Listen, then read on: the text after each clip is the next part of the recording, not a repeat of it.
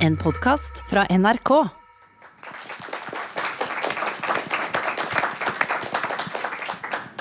Da jeg valgte videregående linje for flere titalls år siden, så var det ingen tvil. Studiespesialisering hadde høyere status enn yrkesfag. Men de som allikevel valgte yrkesfag, de fikk tidligere jobb og ofte mer inntekt. Men er vi fortsatt der at vi innbiller oss at eh, veien til lykke er én eller to mastergrader, mens næringslivet rundt oss eh, skriker etter ungdommer som både har hender og hode. Har vi bygget utdanningsstrukturen vår som en autostrada inn til byene og akademia, og er det også en del av forklaringen på hvorfor folketallet i distriktene faller? Velkommen til Lytring, en debattarena som drives av Nord universitet og Nordlandsforskning i samarbeid med Vågan bibliotek. Og I dag spør vi rett og slett er utdanning distriktenes største trussel. Jeg heter Anki Gerhardsen, jeg er journalist og kritiker og leder for Lytring. Og Vi har med oss et eh, solid panel. La oss starte med deg, Karin Antonsen. Du er forsker ved Nordlandsforskning og driver med lokalsamfunnsforskning. Du er spesielt opptatt av bostedsvalg, skolevalg og også frafall. Hvordan er eh, situasjonen i Nordland og Lofoten i dag når det kommer til befolkningsutvikling?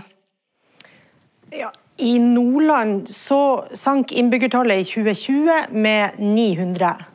Og Det skyldes negative flyttetall, det skyldes negative dødstall og det skyldes lavere innvandring. Og Flyttetapet i Nordland er aller størst i aldersgruppa 20 30. Her hadde Nordland et nettotap på nesten 900 i 2020. Og eh, Antallet barn som hver kvinne i Nordland føder, har altså sunket fra 2,8 til 1,4 på 50 år. Og I 2020 så ble det født 220 færre enn det døde i Nordland. Eh, og det fødes nesten 1000 færre barn i Nordland nå enn det gjorde ved årtusenskiftet. Men dette gjelder ikke bare for Nordland. Altså, I tre av fire distriktskommuner uh, så har vi hatt befolkningsnedgang de siste 20 årene. Og I 2019 så sank folketallet i nesten 300 norske kommuner. Og Tradisjonelt så har jo distriktspolitikken handla om næringsutvikling og jobbskaping.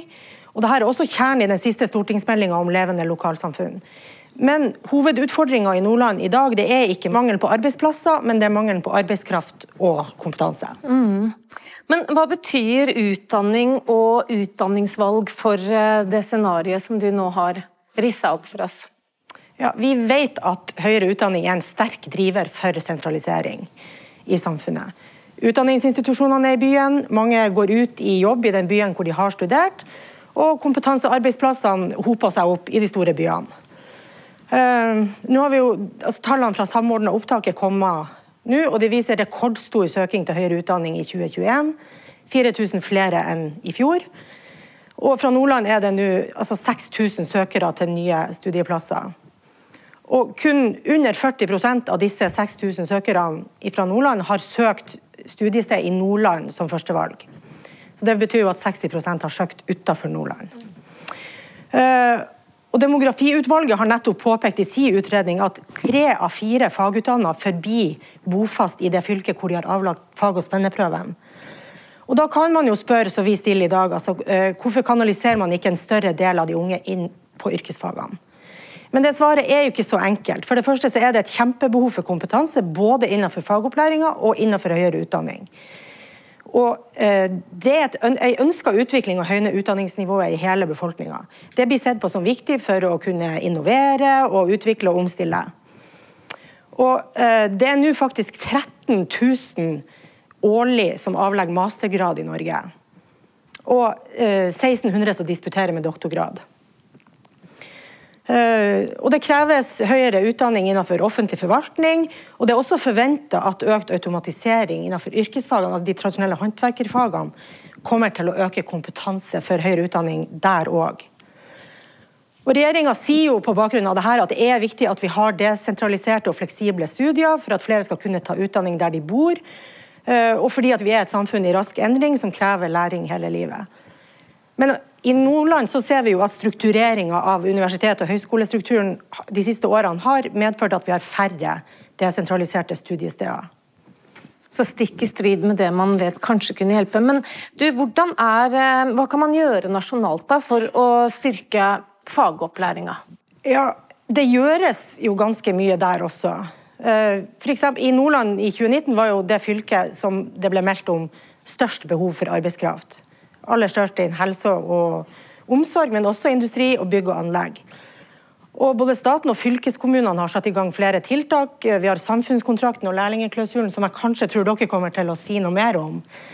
Um, og I Nordland er det faktisk sånn at 58% begynner på yrkesfag. Um, men befolkningstallet gjør jo at elevtallet går ned uansett. Og det vi ser i Nordland, det er at f.eks. helse og oppvekst har holdt ganske stand de siste ti årene. Men det har vært en betydelig nedgang i antall elever som starta på de tradisjonelle håndverksfagene de siste ti årene. Um, en utfordring som pekes på i fullføringsreformen, som kanskje Anja skal si mer om, er jo at kun 55% av de som starter på yrkesfag, går videre til lære. 23 uh, velger påbygging, som igjen da kvalifiserer til høyere utdanning og en vei ut av distriktene. Eh, og vi har fortsatt et høyere antall av elevene på yrkesfag som slutter, selv om det er blitt mye bedre. Eh, og selv om antallet lærekontrakter på landsbasis har økt, det har økt med 24% siden 2012, så er mangelen på læreplasser fortsatt et sånn strukturelt hinder for å fullføre yrkesfag for de som har valgt yrkesfag. Eh, ja. Og Samtidig så er det kommuner og næringer i Nordland og ellers i landet som ikke får fylt opp læreplassene sine. Mm. Takk så langt, eh, Karin. Eh, nå har vi fått et kunnskapsgrunnlag, og da har jeg lyst til å starte med næringslivet. Basen i ethvert lokalsamfunn, og de som skal sørge for verdiskapning og penger i både kommune og statskasse, herunder også penger til skoleverket. Og vi har med oss i kveld daglig leder for Skarvik verft eh, i Svolvær, Marius Løken. Velkommen hit. Takk, takk. Du, Verkstedsnæringen den er jo en veldig viktig næring her i Lofoten, hvor vi befinner oss akkurat nå. Den har vært her i over 100 år. Hvordan går det egentlig nå for tida i din bedrift? Er det lett å finne arbeidskraft lokalt? Jeg vil jo si at bransjen går bra. Veldig bra. Og vi er jo bygd opp rundt fiskeri og havbruk, og det er jo primærnæring som har hatt veldig gode rammebetingelser de siste årene. Så vi har arbeidstilgang i likhet med de andre verftene i regionen som er bra. Og som du spør litt om, så er det jo det å skaffe arbeidskraft som er, er blitt utfordringa de siste årene. Mot kanskje at skaffe jobb var utfordring tidligere. Mm. Så det har gått fra at folk var arbeidsledige til at det er et desperat behov for arbeidskraft. Men hvordan er fordelingen? Altså, hvor er det du finner eh, ansatte nå? Eh, vi rekrutterer jo hovedsakelig fra skole. Tar de inn som lærling. De fleste som jobber hos oss i, i, det, i det, praktiske, kommer fra skolen. Og så har de tatt lærlingetida, og så har de fortsatt å bli ansatt. Så har vi en en stab med, med innleide som vi supplerer litt med når vi har svingninger. Men innleide, hvor henter du de igjen? De kommer fra bemanningsfirma. Og vi er ca. 50 ansatte i dag som er fast. Og de, de siste par årene har vi ligget mellom 15 og 20 årsverk som er leid inn. Så en betydelig andel. Mm. Og der er det også mye utenlandsk Ja, det er stort, stort sett eh, arbeidere fra, fra, Polen og Romania. Altså folk som ikke er bosatt fast her i ja, kommunen? Så reiser på, på oppdrag på fire til seks uker. Men hvis vi går liksom 10-15 år tilbake i tid, var det en tilsvarende situasjon da? Nei.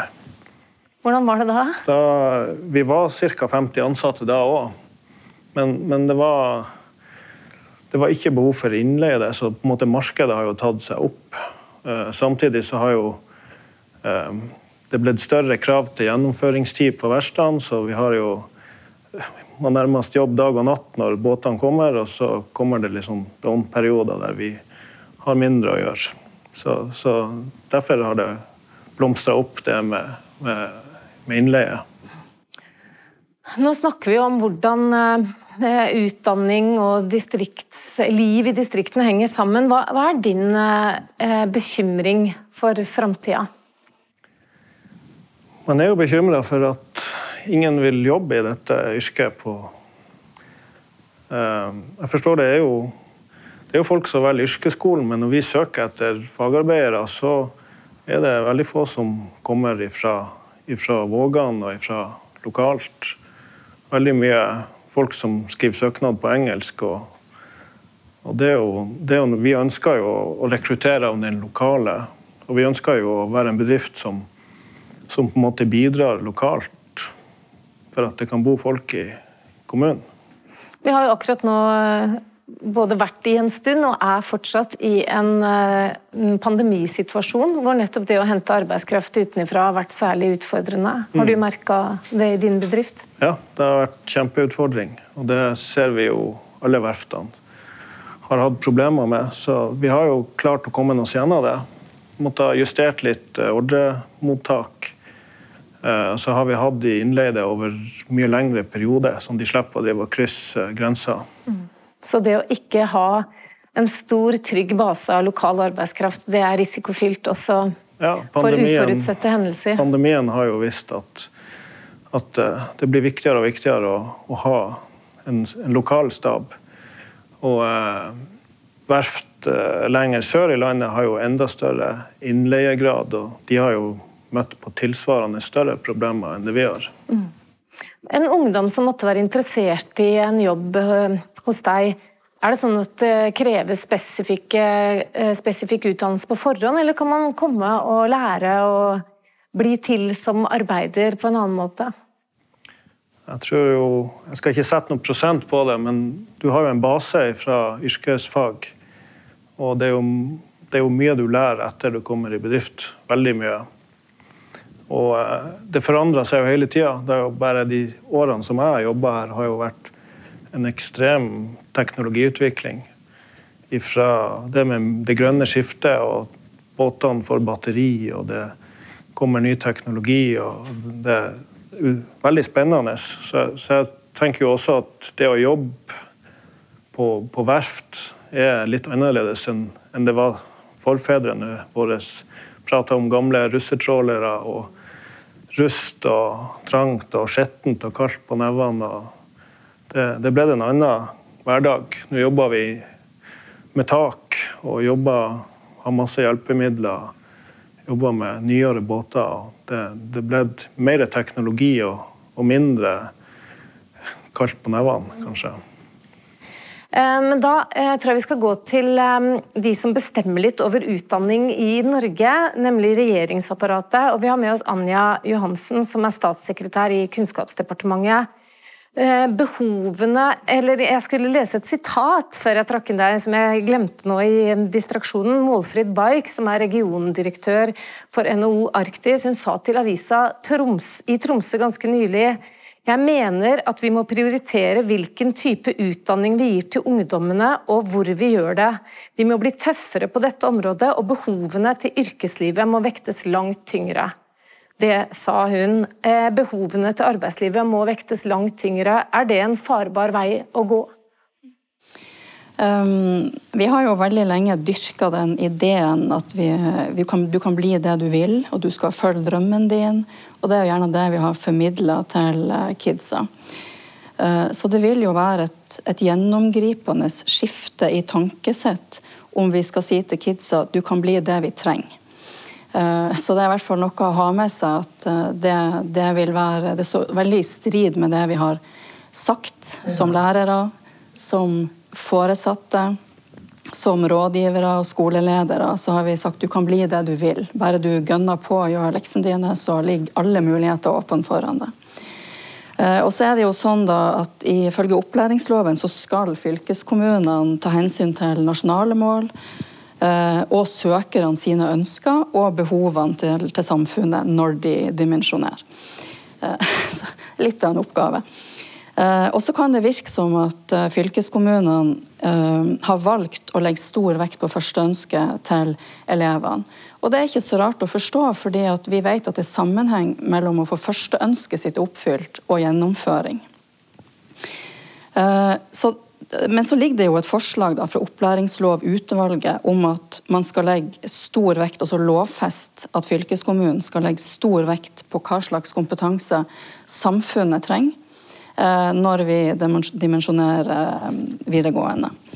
Så hvis vi skal følge opp det forslaget, da, så må vi iallfall ha en god prosess for å diskutere hva er samfunnet sitt behov, for det er jo ikke en konstant. Eh, og noen ganger så kan man få inntrykk av at læreplassproblemet det hadde vært løst hvis vi bare dimensjonerte riktig. Og at det betyr å ha like mange skoleplasser i år som det var læreplasser i fjor. Men kompetansebehovet kan jo variere, både på kort sikt og lang sikt. Det kan jo f.eks. være et stort behov for arbeidskraft i bransjer som nå ikke kan ta inn lærlinger pga. pandemien. Så kan det oppstå nye behov, eller noen kan se nye muligheter. Noen har sett nye muligheter, for det er rekordsøkning til tollerfaget uh, nå. Og så understreker jo forskeren at uh, i distriktene så har vi like mye behov for de som har gått studieforberedende som vi har for de som har gått uh, yrkesfagveien. Og det slår jo også demografiutvalget fast. Uh, vi trenger også lærere, ingeniører, og sykepleiere, økonomer og jurister. Så dette er jo en, en, veldig vanskelig oppgave å konkludere, i hvert fall. Mm. Men nå tror jeg Daniel Helgesen har fått lyd. fordi at Før vi fortsetter denne diskusjonen, så må vi få litt mer innblikk i det overordna bildet. Både for Nordland og for landet som sådan. Eh, mangelen på arbeidskraft preger jo en stor del av næringslivet. ikke sant? Eh, hvordan ser det overordna bildet ut? Ja, Det er flere her som er innom problematikken. for eh, det er en gang sånn at eh, I stort så har vi et uh, udekka kompetansebehov. Eh, våre sånn kompetansebarometer som vi har hvert år, eh, og som for så vidt går eh, på landsbasis, men også hvor vi har regionale tall, viser det at seks av ti bedrifter har i stor eller noe grad et udekka kompetansebehov. Og Det har for så vidt også vært sånn svakt stigende de siste årene. Og så er det en gang sånn at Her i Nordland så er vi jo et, et fylke hvor vi i stor grad har fagarbeidere, så behovet der er kanskje ekstra stort. Men i sum så mangler vi litt av alle. Eh, og, og, der er jo flere her inne på, på utfordringer. Vi, vi, mangler litt av alle. Eh, ingeniører, jurister, økonomer eh, og da også fagarbeidere inne, i de aller fleste fag. Og når vi da skal si, blir færre folk, men da har næringer som har stort potensial, ønsker å ekspandere, og vi trenger flere folk, så har vi jo ei utfordring, da. Og det finnes jo kanskje ikke noe enkel løsning på det. Eh, da hadde, vi, da hadde vi eh, i så fall bare gjort det. Så her handler det om å få flere gjennom skoler. Eh, flere til å ta utdanning i det hele og det store. Få flere til å gjennomføre. Tiltrekke oss flere, og kanskje også at færre flytter ut. Men så er det en gang sånn at hvis vi skal få tak i det fulle kompetansespekteret, så må jo noen flytte ut, men da helst komme tilbake, og gjerne med en, en ektefelle eller kanskje til og med et barn eller to. Eh, hvis ikke så går ikke regnestykket opp. Eh, og så er det jo sånn at eh, vi har stort potensial. Vi ønsker jo å ta større deler av verdikjeder og ønsker å, å utvikle oss. Så vi trenger både den fagarbeideren og den høyt, høyt utdanna. Ja, du hører nå på Debatt i P2, og i dag spør vi om utdanning er distriktenes eh, største trussel. Og For å fortsette litt videre her, eh, Helgesen. Eh, du sa til meg da vi hadde en telefonsamtale nylig at seks av ti bedrifter får ikke tak i den arbeidskraften de trenger, og at det gjelder uavhengig av næring. Hvor, hvor dramatisk er dette? Kan du si noe om konsekvensene dere ser komme? Altså, konsekvensen er jo kort og godt at eh, bedriftene våre ikke får kalle, oppfylt potensialet sitt. Eh, de må si fra seg oppdrag, de må kalle, la være å vokse, la være å skape nye jobber og, og verdier. Og så er det klart Man kan jo løse det til en viss grad med å, å utvikle og utdanne allerede eksisterende ansatte. Men, og kanskje også til og med importere arbeidskrafta. Men når alt kommer til alt, så, så klarer du aldri å dekke eller så klarer man ikke i dag å dekke hele behovet. Og når man ikke da har tilfang av folk, så, så må man kanskje da etter hvert rett og slett gjøre ting smartere. Altså rasjonalisere, effektivisere drifta. Jeg siterte Målfrid Baik her i stad, jeg vet ikke om du hørte det, men hun mente at behovene til yrkeslivet må vektes langt tyngre når man planlegger utdanning i distriktene i Norge. Støtter du henne i det? Eh, ja, det må jeg si at uh, uh, Nå opplever jeg for så vidt at, at det vektes allerede, uh, men det er, det er, veldig viktig for nasjonen Norge og fylket Nordland at det utdanningssystemet vi har, svarer på, på næringslivet sine behov. kort og godt. Og, og, det er jo et samarbeid som jo selvsagt er der allerede, men som må bli enda bedre. Um, Eh, Marius Løken, eh, hvordan vil du kommentere den eh, oppfordringen fra Målfrid Baek? Føler du at næringslivets behov vektes i tilstrekkelig grad i utdanningssektoren? Det er litt vanskelig å svare på, men det er jo også sånn at folk må utdanne seg til noe de har lyst til å jobbe med. Så det, det må jo være første bud, men, men, det må jo være sånn som Man må jo se litt fra kommune til kommune, og Vågan kommune må jo se hva som er arbeidsplassene og hva som er mulighetene her. Så jeg mener jo at det burde, at det burde vektes i forhold til hva som etterspørres. Mm. Anja Johansen, statssekretær i Kunnskapsdepartementet. Vi fortsetter litt der hvor vi slapp. Innledningsvis snakket jo Karin Antonsen om den demografiske utvikling. At høyere utdanning er sterkt sentraliserende. Hvordan jobber dere med utdanning og demografi når dere utvikler politikken, er det liksom jevnlige møter mellom dere og distriktsministeren? uh, nei, det er ikke jevnlige møter sånn sett med oss og distriktsministeren, men det er jo jevnlige møter mellom KD og f.eks. fylkeskommunene. Og veldig hyppig gjennom det siste året. Og selvfølgelig er de, de utfordringene som ligger til grunn for denne debatten, i bakhodet hele tida. Og det er jo det er jo fordi at vi, har, altså vi ønsker vesentlig høyere fullføringstall. At vi har kommet med, med, fullføringsreformen. Og det er kjempeviktig at flere fullfører. Eh, det er jo bra for lokalsamfunnene der, der de er, hvis de da blir. Det er bra for staten. Eh, det er bra for den enkelte.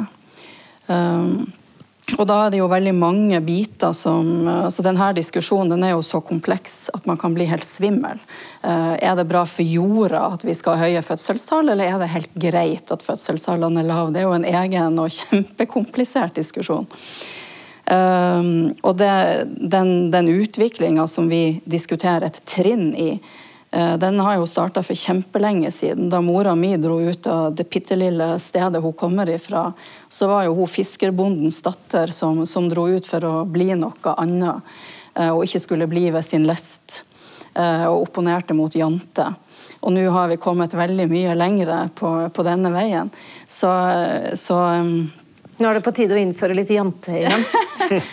Nei, men det er i hvert fall eh, på tide å, å, tenke over om det er, vil det være riktig å stramme inn utdanningsmulighetene i Distrikts-Norge, eller går det an å stille motspørsmålet hva vil skje med fraflyttinga da? Vil 15-16-åringene tenke idet de er i ferd med å gjøre seg ferdig på, på grunnskolen at her blir jeg jammen ikke lenger, for her kan jeg ikke bli jurist, eller her kan jeg ikke bli tømrer.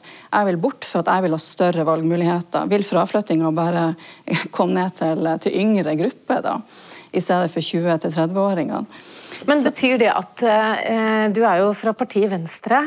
At dere vektlegger individets frihet over eh, lokalsamfunnets behov? Det, det, må jo være summen. Det må være samfunnets behov, det må være ønskene til mennesket, det må være de nasjonale målene. Alt skal jo spille i lag, og det er en kjempevanskelig oppgave. Men hvis vi kan være litt konkret, da, hva, hva er det liksom dere tenker at dette vil være et effektivt virkemiddel for å eh, stimulere det lokale næringslivet med lokal arbeidskraft mm. i form av ungdommer som velger det det lokale næringslivet ønsker seg? Uh, for det første så ønsker vi, så ønsker regjeringa, jeg tror alle ønsker, at den videregående opplæringa skal være desentralisert, sånn at ungdom i minst mulig grad skal måtte flytte. Uh, og så når det gjelder å få ungdommen til å bli oppmerksom på, på yrkesfagveien og de praktiske fagene, så er jo fagfornyelsen, fornyelsen av læreplanene, Et, en bit i dette, for det er mer praktisk innretning. Og alle elever i grunnskolen har et fag som heter utdanningsvalg.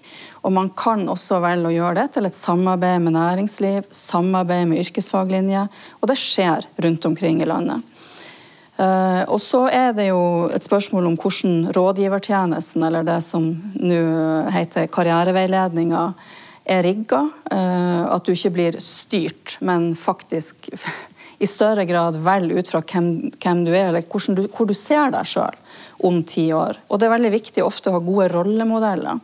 Vi vet f.eks. at gutter er ikke tilbøyelige til å velge eh, helsefag eller barnehagelærerutdanning uten gode rollemodeller. Og jeg leste i lokalavisen uh, om hun jenta som var tømrer, og som er i ei Facebook-gruppe for kvinnelige tømrere, og at det er viktig for henne å ha et sånt forum. Jeg tror gode rollemodeller er kjempeviktig, og også få lov å prøve seg.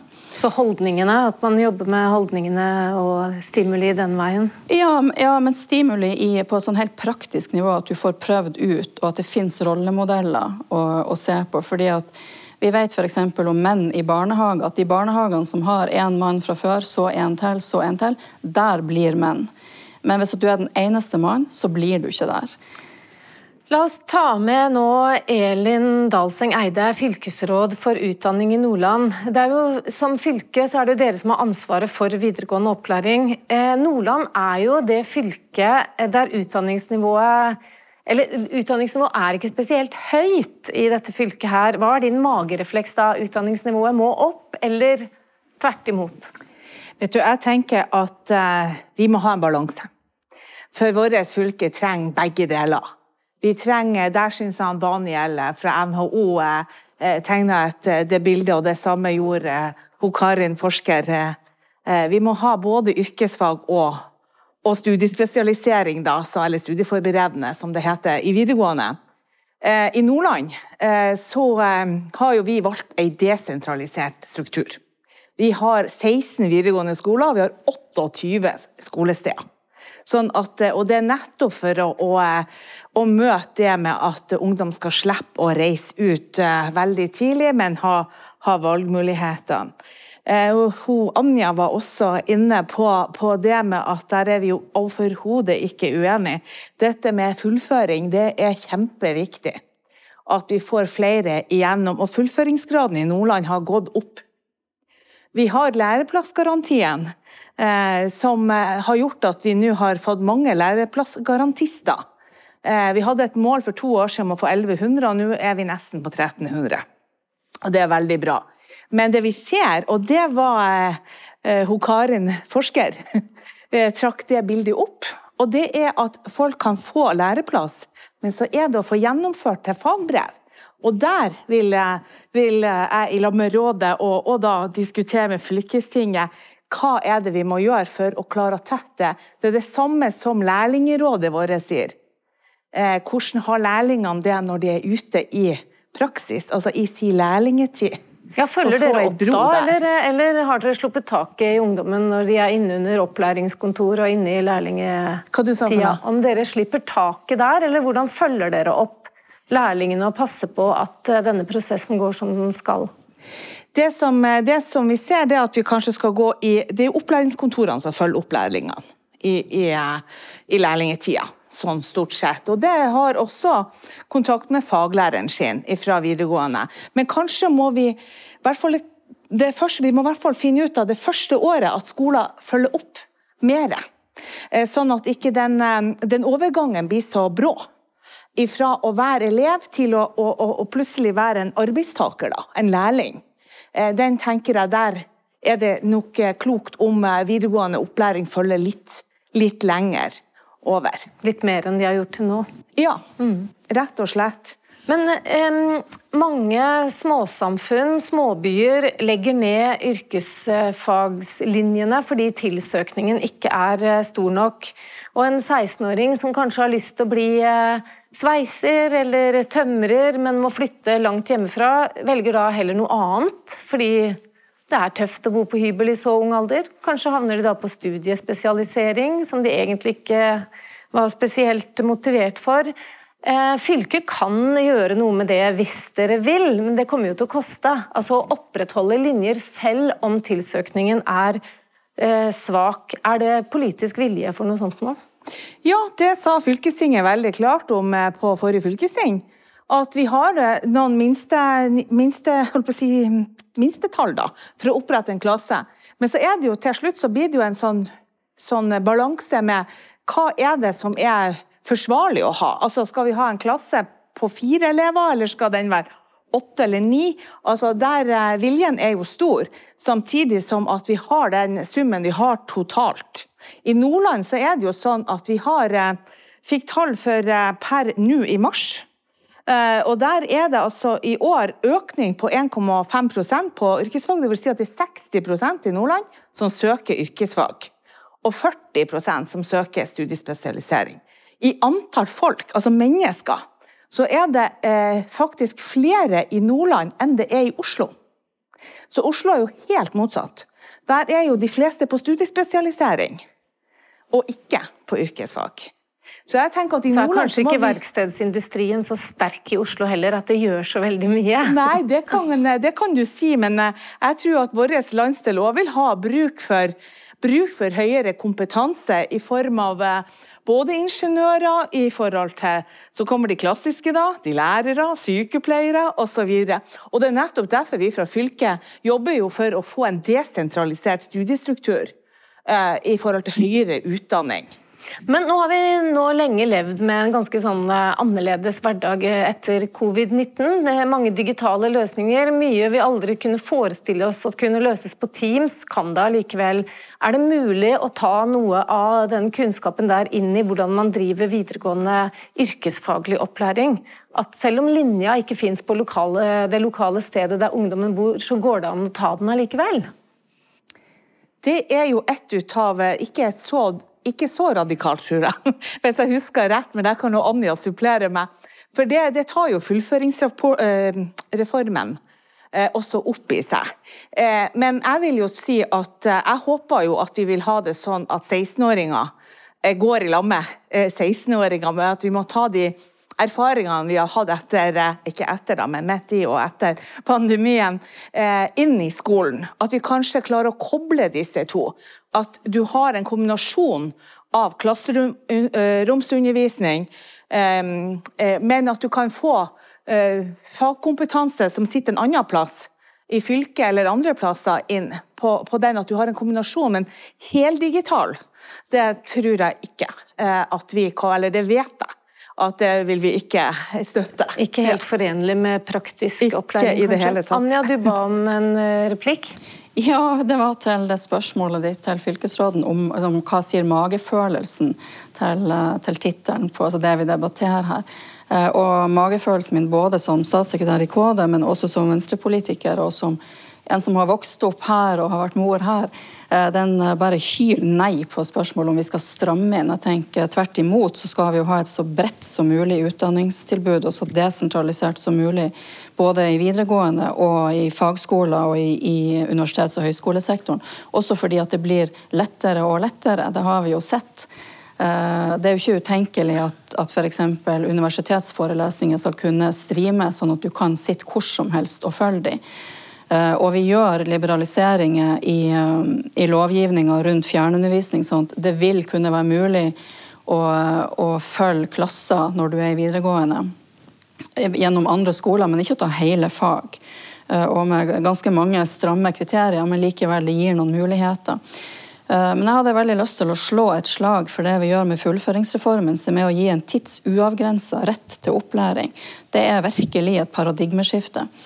Fordi det betyr at både de ungdommene som går inn i videregående, men de voksne som har forlatt videregående, men de er ikke ferdig, eh, for de har ikke vitnemål eller de har ikke fagbrev, de får med denne endringa en mulighet til å komme tilbake. Eh, og Det betyr at eh, voksne som går rundt og er noen av den halve millionen i vårt samfunn i Norge som ikke har ferdig grunnopplæring, kan få komme tilbake til skolen og gå inn i det store maskineriet til gode for enkeltmennesket, til gode for næringslivet og hans stat. Eh, og Vi innfører også en rett til rekvalifisering eller mulighet for å ta et fagbrev nummer to. som er kjempebra for næringslivet, som kan ha behov for at deres arbeidere eh, rekvalifiserer seg, fordi at vi trenger nye kompetanser.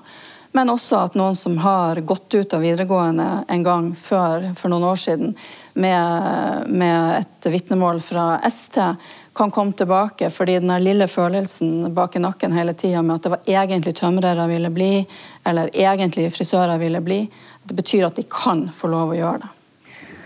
Daniel Helgesen, hvis du hører meg, eh, hva tenker NHO om eh, den fullføringsreformen som Anja Johansen beskriver her? Tror du at det vil gi et tilfang på arbeidskraft som dere eh, ikke hadde før? Det er vanskelig å, for så vidt si, men det som er, viktig, er jo altså, fullføre. Det her er, er vi alle enige om at vi må få flest mulig gjennom. Um, og så er det jo, eh, det er jo så mange, eh, så mange aspekter til det hele. Eh, altså vi snakker her om at vi må beholde folk regionalt. Vi må sørge for at folk ikke flytter ut. Og jeg har bare lyst til å si en ting som kanskje er litt på sida. Men, det handler jo om, om et, et, større, bredere næringsliv. For vi har noen kjernenæringer som vi må skaffe nok folk til. Men for å tiltrekke oss folk, så må vi også eh, ha et bredere næringsliv, sånn at man kan komme med en partner. sånn at eh, tilflytterne ønsker å komme til regionen. og Da er f.eks. reiselivet. Svolvær er jo et, et, kjempeeksempel på det. På en by som er litt større enn det den egentlig er. Og som sånn sett tiltrekker seg folk. og Der eh, har vi også mye, mye å gjøre. Det var kanskje litt på sida, men, men måtte sies. det er greit. um, ja. Um, Elin, du ba om ordet. Ja, det gjorde jeg for å, å, eh, å si noe om Nå snakker vi jo Litt behov for å rydde. For vi snakker om rettighetselevene, altså de som er i den målgruppa. Men så har vi jo også eh, folk som er litt eldre, eh, som da ta, kunne ta fagskole osv. Der ser jeg jo at det er et kjempepotensial for digitalisering av masse undervisningsformer. Definitivt. Eller fag, da. Eh, sånn at Der har jeg lyst til å skille. For rettighetselevene de, de håper pga. læringsmiljø vi skal ha trygge, gode, der de utvikler seg som folk. Altså det å, å bli kjent med andre osv. Så, videre. så der håper jeg så lenge som mulig at vi har de på, på skoler. Eh, og så er det noen som det vil passe for å ha et eh, løp ute i en bedrift, og kanskje ta en fagbrev på sikt. Sånn at Poenget er at her er det veldig mange ulike eh, eh, løsninger og tilbud. Og vi er jo i et forpliktende samarbeid med, med Daniel eh, og i NHO, LO osv. gjennom Kompetanseforum Nordland. Så vi er i veldig tett kontakt med, med, arbeidslivet. Hva er det arbeidslivet trenger? Men jeg har lyst til å si én ting til før jeg avslutter. Og det er eh, den overgangen fra grunnskolen til videregående den er kjempeviktig. Eh, og også de rådgiverne som gjør en kjempegod jobb i grunnskolen. Men eh, har fått, jeg har fått det som råd, veldig mye tilbakemelding fra Ungdomsrådet, og sånn at de ønsker mer et sånn system der de blir spurt om interesser, og ikke karakterer alene. For den er litt sånn, og da hører jeg at da er den litt tradisjonell, hvis de opplevde det sånn. For det, var, det, det kan han huske fra mange år tilbake sjøl. Eh, og der har vi, så Alle disse overgangene er kjempeviktige. Eh, og så tenker jeg at vi kan aldri ta fra ungdommen og velge sjøl. Det syns jeg. Det er vi ikke for. Du hører nå på Debatt i P2, og i dag spør vi om utdanning er distriktenes største trussel. Og Da er det på tide synes jeg, å høre hva unge selv tenker og mener om den situasjonen vi er i. Velkommen hit, Lise Lotte Gjendal. Du er tømrer, men veien dit har vært eh, flakkende. Og La oss begynne med starten. Du var 15 år, du skulle velge studieretning på videregående skole. Var det lett? Nei, det var ikke det. allerede utplassering i 9.-10. så var jeg sammen med en tømrer, så så holdt til der jeg bodde. Men eh, klarte ikke å bestemme. Jeg kunne tenke meg å bli nesten hva som helst. Så eh, da ble det på hybel til Svolvær og gikk ST. da. Så jeg har studiekompetanse derifra. Så var jeg innom diverse, både folkeskole, førstegangstjenesten, jobba et år. Så eh, bestemte jeg meg for å prøve tømreryrket. da. Mm. Men eh, da du gikk studiespesialisering, hva slags eh, holdninger til yrkesfag var det blant dine medstudenter? Det er litt blanda. Man merka kanskje ikke for mye om det på skolen, men man har lest kanskje mer om på nett hvis noen la ut om at de var uavhengig av elev eller ja, voksne. Så kunne man lese i kommentarfeltet å ja, du gjør det, jeg blir jo tjent mye mer enn deg når jeg har master om fem år. Og litt sånn negative holdninger, kanskje. Så det henger nok litt igjen, men jeg tror det er blitt bra mye bedre òg. Mm. Men eh, de holdningene der, de husker jo jeg fra jeg var ung for ganske lenge siden. Merker du de holdningene ute i samfunnet ellers òg? Jeg vil si at det er ganske lite. Det, det er som sagt kanskje mest eh, ungdom på nett. Litt unge ungdom som jeg ser kommentere. Og så voksne folk de skjønner at alle yrker skal til, og det, det er ikke bare lærere eller sykepleiere eller ja, politi. Vi må alt. Får du eh, gode reaksjoner på ditt valg? Ja, folk sier jeg er tøff som har valgt det som jente, selv om jeg ikke ser på det. Jeg tok det jeg hadde lyst til, eh, og trives jo veldig godt med det. Men eh, du kom altså til dette yrket ditt på en litt eh, egen måte. Eh, hvordan, hvordan, gikk du fram for å gå fra studiespesialisering og inn i tømrerutdannelse? Nei, jeg var I slutten av førstegangstjenesten fant ut nå må jeg bestemme hva jeg skal gjøre. Nå, nå vil jeg komme i, i, arbeid. Og Da ringte jeg egentlig Nesøskolen, som holdt til, lærlingsskolen deres holdt til her i Svolvær. Så, så jeg spurte om, jeg, hadde skoleplass, selv om jeg hadde fullført videregående fra før. Så det sa de, så lenge jeg skaffa meg arbeid, så hadde jeg skoleplass òg. Mm, for du har, du har, valgt å utdanne deg innenfor bransjen sjøl. Det er en sånn lærlingskole som finansieres av bransjen, men som gir fagbrev. Eh, Nordnorske entreprenørers serviceorganisasjon med NESO som forkortelse. Og nå er du i full fast jobb og har det bra. Har du noen råd til dem som skal legge til rette for eh, utdanning av ungdommer som kanskje kunne være interessert i praktiske fag? Det er jo informasjon som må ut til de, til de yngste. Det er masse yrker som ikke jeg engang visste om før, før jeg kom ut i yrket sjøl. At eh, taket skal tekkes av noen, og betongarbeidet skal gjøres av noen. og Det er masse yrker som man kanskje ikke vet om helt. At sømrer kanskje er en av de som er mer hørt om enn, en mange andre. Så manglende informasjon, rett og slett? Ja. Ja, eh, Da retter jeg spørsmål til deg, Elin Dalseng Eide, fylkesråd for utdanning. Denne formen for utdannelse som eh, Liselotte har valgt, er det en form som du støtter og gjerne ser mer av? Bransjestyrt eh, utdanning? Bransjestyrt utdanning det er jo hele tida et samarbeid her, tenker jeg. Eh, nå er jo det som, som er, som Anja var inne på, nå, opp, nå åpner jo også fullførings... Eller noen av forslagene i fullføringsreformen for deg. At man kan ta og gjøre et, hva man skal si, en ny utdanning, ikke sant? en tilleggsutdanning osv. Så, og så, videre. så det er jo selvfølgelig positivt til. Ja. Så jeg håper jo at vi får det, for eh, jeg har jo jobba sjøl i videregående. Eh, og så det, lever jeg ofte redd for å velge feil. Så, men så tenker jeg at det er ikke så veldig, veldig, farlig å gjøre det, for det er ikke feil der og da.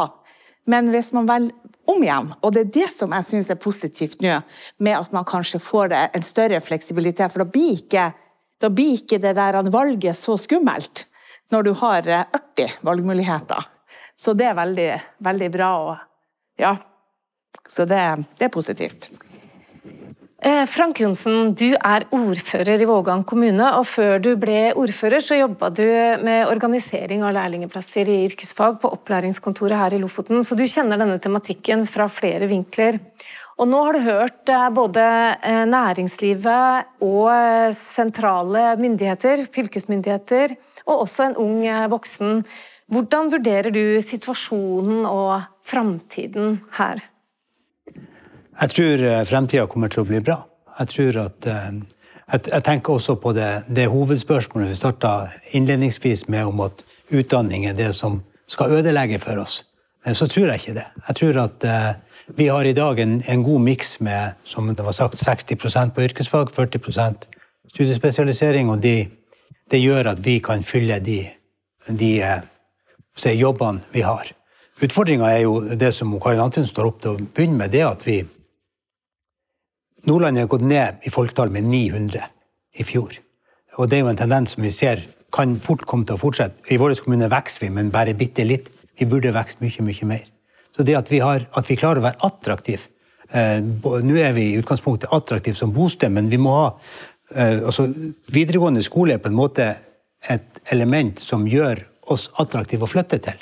Eh, fordi at når, når, folk skal bosette seg, så er de opptatt av eh, finnes det grunnskoletilbud, nærheten der jeg vil bo. De er opptatt av videregående tilbud, fordi at ungene deres skal ha noe å gjøre. Så jeg tror at vi må kanskje basere oss fortsatt på at det er mange som skal komme flyttende til hit, og så kan på en måte drive næringslivet videre. Men hvis eh, yrkesfaglig utdanning taper terreng, og de ikke greier å levere ut nok ungdom til det lokale næringslivet, hva, hva tenker du at man kan gjøre? Jeg tror ikke det er rett, som det var nevnt her, at du på en måte tvangsutdanne de til, til sveisere hvis det ikke er det de vil. For fordi at Hvis du skal trives i en jobb, så må du jo ha lyst til det. det men, men, det å klare å markedsføre seg, det var eh, Marius sa i stad, eh, for jeg satt og snakka på bakrommet, at det er liksom sånn at det er ikke tøft nok. Eh, det er liksom den der mastersyka som, som kommer, og som, der alle Hvis du ikke har en master, så er du ikke verdt noe. Det er jo bare tull. Altså, vi, vi trenger de som jobber, som har fagbrev og som jobber. Det, de er, det er det viktigste elementet i det vi, vi gjør. Men, men vi snakker jo om ansvar, og eh, Liselotte sier at hun følte egentlig at det var lite kunnskap da hun var 15 år, om hvilke muligheter man har. Tenker du at næringslivet kunne vært mer framoverlent sjøl? Ja, kanskje det. Ehm, når jeg jobba i opplæringskontoret, så, så, kjørte vi noen prosjekter liksom på eh, mangel på arbeidskraft. Eh, og på en måte kjøre en runde rundt og se hva, hva slags folk trenger du om fem år, om ti år, om 15 år. Og det, det, er faktisk sånn at veldig mange av de som er næringslivsledere, de, de har ikke tenkt det, den tanken helt ut. Har du lyst til å kommentere på det, Marius Løkken, daglig leder for Skarvik verft? Jeg vet ikke akkurat det, men jeg, jeg registrerer jo at alle deltakerne her har snakka om det med, med, med, det valget som gjøres på, på ungdomsskolen. Og Det tror jeg er viktig. Og jeg tror at vår næring har en jobb å gjøre, og, og gjøre oss litt mer sexy. For uh, ja, ungdommen snakker med hverandre og, og snakker om master. Og, og, eh, det er jo et high-tech, og det er mye interessant i denne bransjen. Og eh, jeg kan bare si for min, for min egen del så, så snakka jeg med, med en, en, veileder når jeg skulle velge videregående. Og jeg ble fraråda å gå yrkesfag, noe jeg da gjorde motvillig fra rådgiver. For jeg ønska å gå til ingeniør, men jeg ville ha en praktisk bakgrunn. og det var, det var ikke Jeg hadde for gode karakterer for å gå på yrkesskolen, sa de. Nå hadde jeg ikke veldig gode karakterer, men jeg hadde gjennomsnittlig. Og da, da måtte jeg gå inn på allmennfag, for da, var der, det var der de, du fikk karriere. Det er jo den fornemmelsen jeg har, at det ligger der og summer, liksom. Ja, så jeg, så jeg håper jo at det ikke er sånn nå, da. Men man kan jo kanskje bekymre seg for at det er sånn. Eh, har, har, opplever du at den holdningen er rådende fortsatt, også her i Vågan kommune? Vi ønsker jo kanskje ikke å snakke om det, men jeg er litt redd for at den er der. Eh, jeg håper jo at, eh, at den skal være borte, for det var jo akkurat likedan når jeg vokste opp. Jeg er jo gamlere enn så det, det, var jo sånn at De flinke elevene skulle gå på gymnas, og de andre skulle gå på yrkesskolen. Og det, det, skal ikke være sånn, for det at du trenger virkelig flinke folk som på yrkesfag også. Elin Dalseng Eide. Ja, nei, Det er jeg altså helt hjertens enig i. Og, og, og, mitt inntrykk er jo at de eh, holdningene er i ferd med å forvitre. Fordi at det er så flinke folk som går eh, yrkesfag og kommer seg ut, og, og i, i, arbeid også. Sånn at den, eh, de mytene der, det må man bare Det må man rett og slett bare jobbe aktivt med å knuse. Og der tror jeg kanskje at, at næringslivet sjøl, Daniel, eh, også skulle ha vært mye mer sånn, kanskje ut i skolen. Og så, Anja, eh, det med å få enda flere praktiske fag inn i, i grunnutdanningene, og, og, også som valgmuligheter på, på, videregående, det tror jeg er noe av veien å gå. For vi må, ikke, vi må komme bort ifra det der. Daniel Helgesen fra NHO. Ja, eh, og det er nok helt riktig at, eh, at bedriftene har en rolle her, akkurat som, som skolene har det. og Og Man kan jo starte nummer én med, med omdømmebygging. Eh, nå er Det nok sånn at eh, det er mange fag som sikkert har hatt eh, et omdømme som ikke har vært så, så bra.